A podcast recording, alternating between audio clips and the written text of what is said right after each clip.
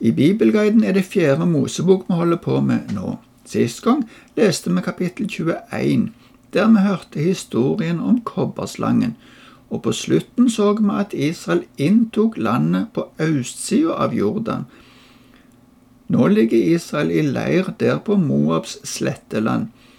På den andre sida av Jordan kan de se Jeriko, som var en av de eldste byene i verden.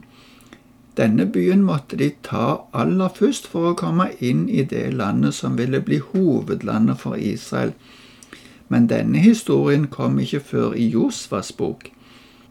Kongen i Moab hadde sett det som Israel gjorde imot amorittene, og nå var han redd for at Israel skulle komme og slå han og folket hans.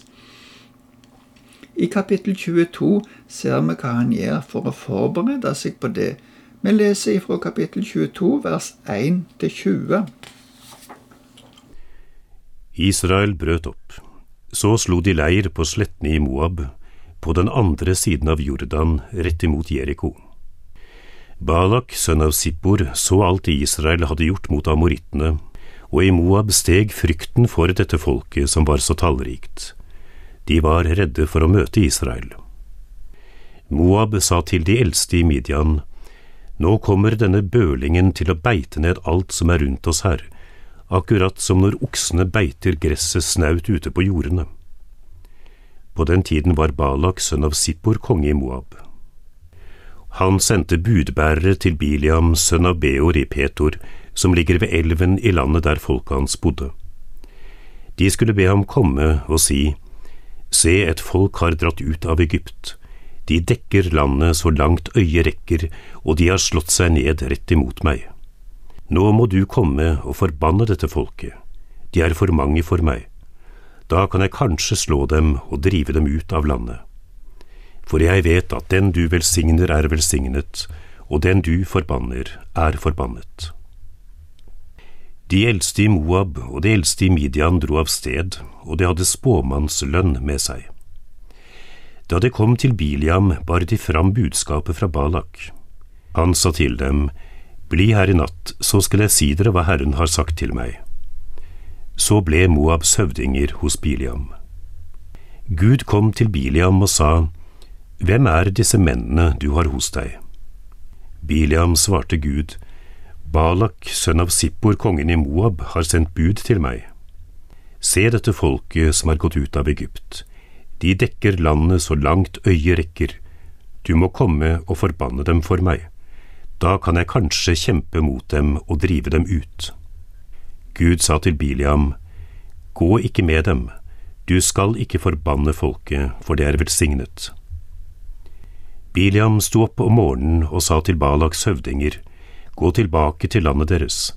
Herren gir meg ikke lov til å følge med dere. Moabs høvdinger dro av sted. De kom til Balak og sa, Biliam ville ikke bli med oss.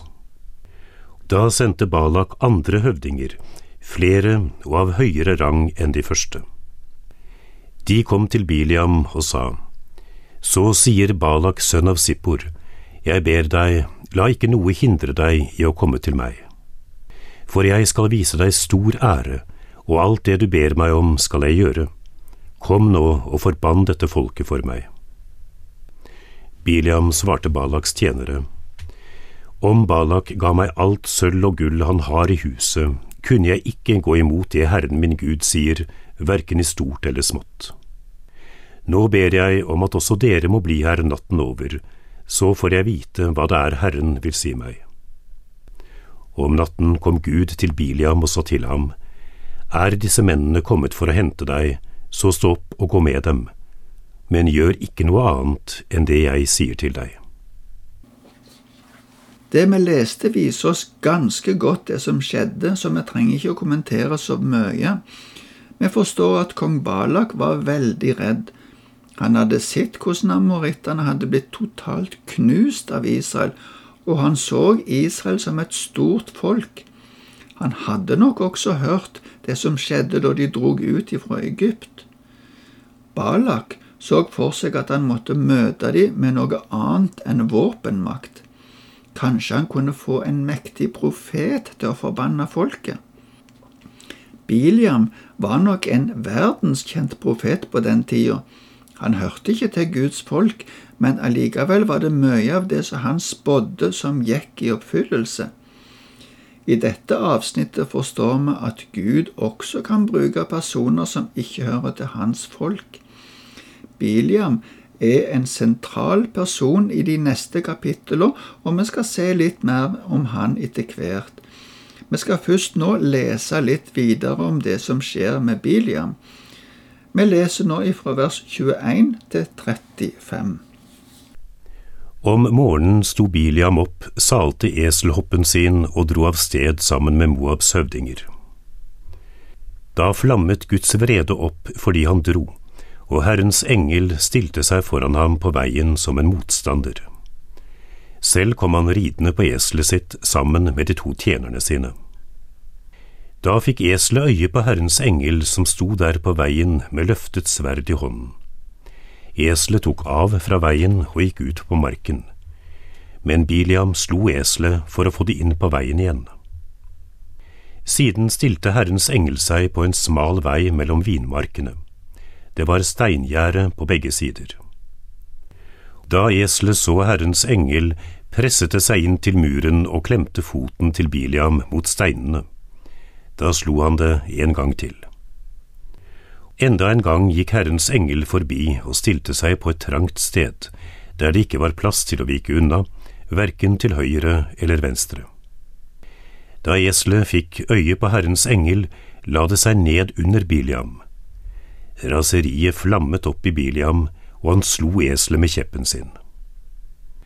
Da lot Herren eselet få munn og mele, og det sa til Biliam, Hva har jeg gjort deg? Nå er det tredje gangen du slår meg. Biliam svarte eselet, Du har holdt meg for narr. Hadde jeg bare et sverd i hånden, skulle jeg drepe deg nå. Men eselet sa til Biliam, Er ikke jeg eselet ditt som du alltid har ridd på helt til denne dag? Har jeg noen gang hatt for vane å gjøre slikt mot deg?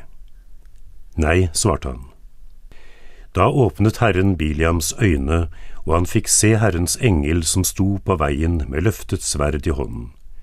Straks bøyde han seg og falt ned med ansiktet mot jorden. Herrens engel sa til ham, Hvorfor har du nå tre ganger slått eselet ditt? Se, jeg har gått ut for å stå deg imot, for jeg ser at dette er en farlig ferd. Eselet så meg og har veket av for meg alle de tre gangene. Hadde det ikke gjort det, ville jeg nå ha drept deg, men latt eselet leve. Da sa Biliam til Herrens engel, jeg har syndet, jeg skjønte ikke at du sto foran meg på veien. Hvis dette er galt i dine øyne, skal jeg vende tilbake. Herrens engel sa til Biliam, følg med disse mennene, men du må ikke si noe annet enn det jeg byr deg. Så fulgte Biliam med Balaks høvdinger. Biliam fikk streng beskjed ifra Gud om at han ikke skulle si noe annet enn det Gud sa til han at han skulle si. Hvordan det gikk, får vi se etter hvert. Biliam hadde nok lyst på lønna, så han ville gjerne gå til Balak, men som vi ser, så brukte Gud til og med eselet hans for å varsle om at han måtte gjøre det som Gud sa. Etter at Guds engel hadde snakka strengt til Biliam, fortsatte han på reisen sammen med Balaks høvdinger. I fortsettelsen skal vi se at Balak kommer og møter Biliam.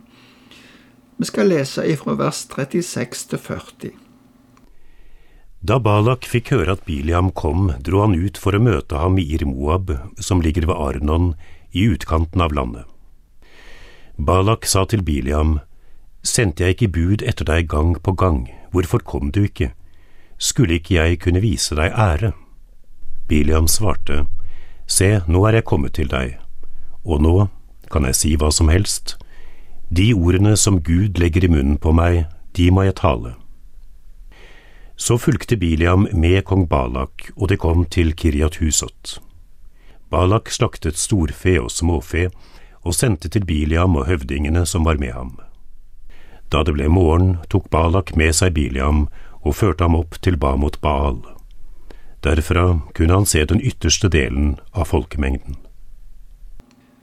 Balak irettesatte Biliam fordi han ikke hadde kommet med en gang. Han var klar til å gi Biliam mye ære og belønning, men han tenkte at Biliam kanskje hadde vært skeptisk og kanskje hadde trodd at det ikke var så mye han skulle få.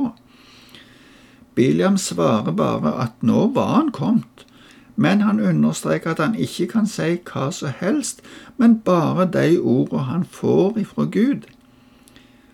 Balak laga til et godt måltid om kvelden, og neste dag tok Balak Biliam med seg opp på et fjell der han kunne se litt av Israels leir. Vi skal lese tre vers fra kapittel 23 for å se hvordan Biliam planlegger det som skal skje videre.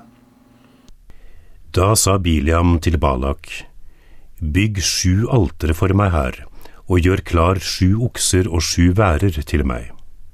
Balak gjorde som Biliam sa, og de ofret en okse og en vær på hvert alter.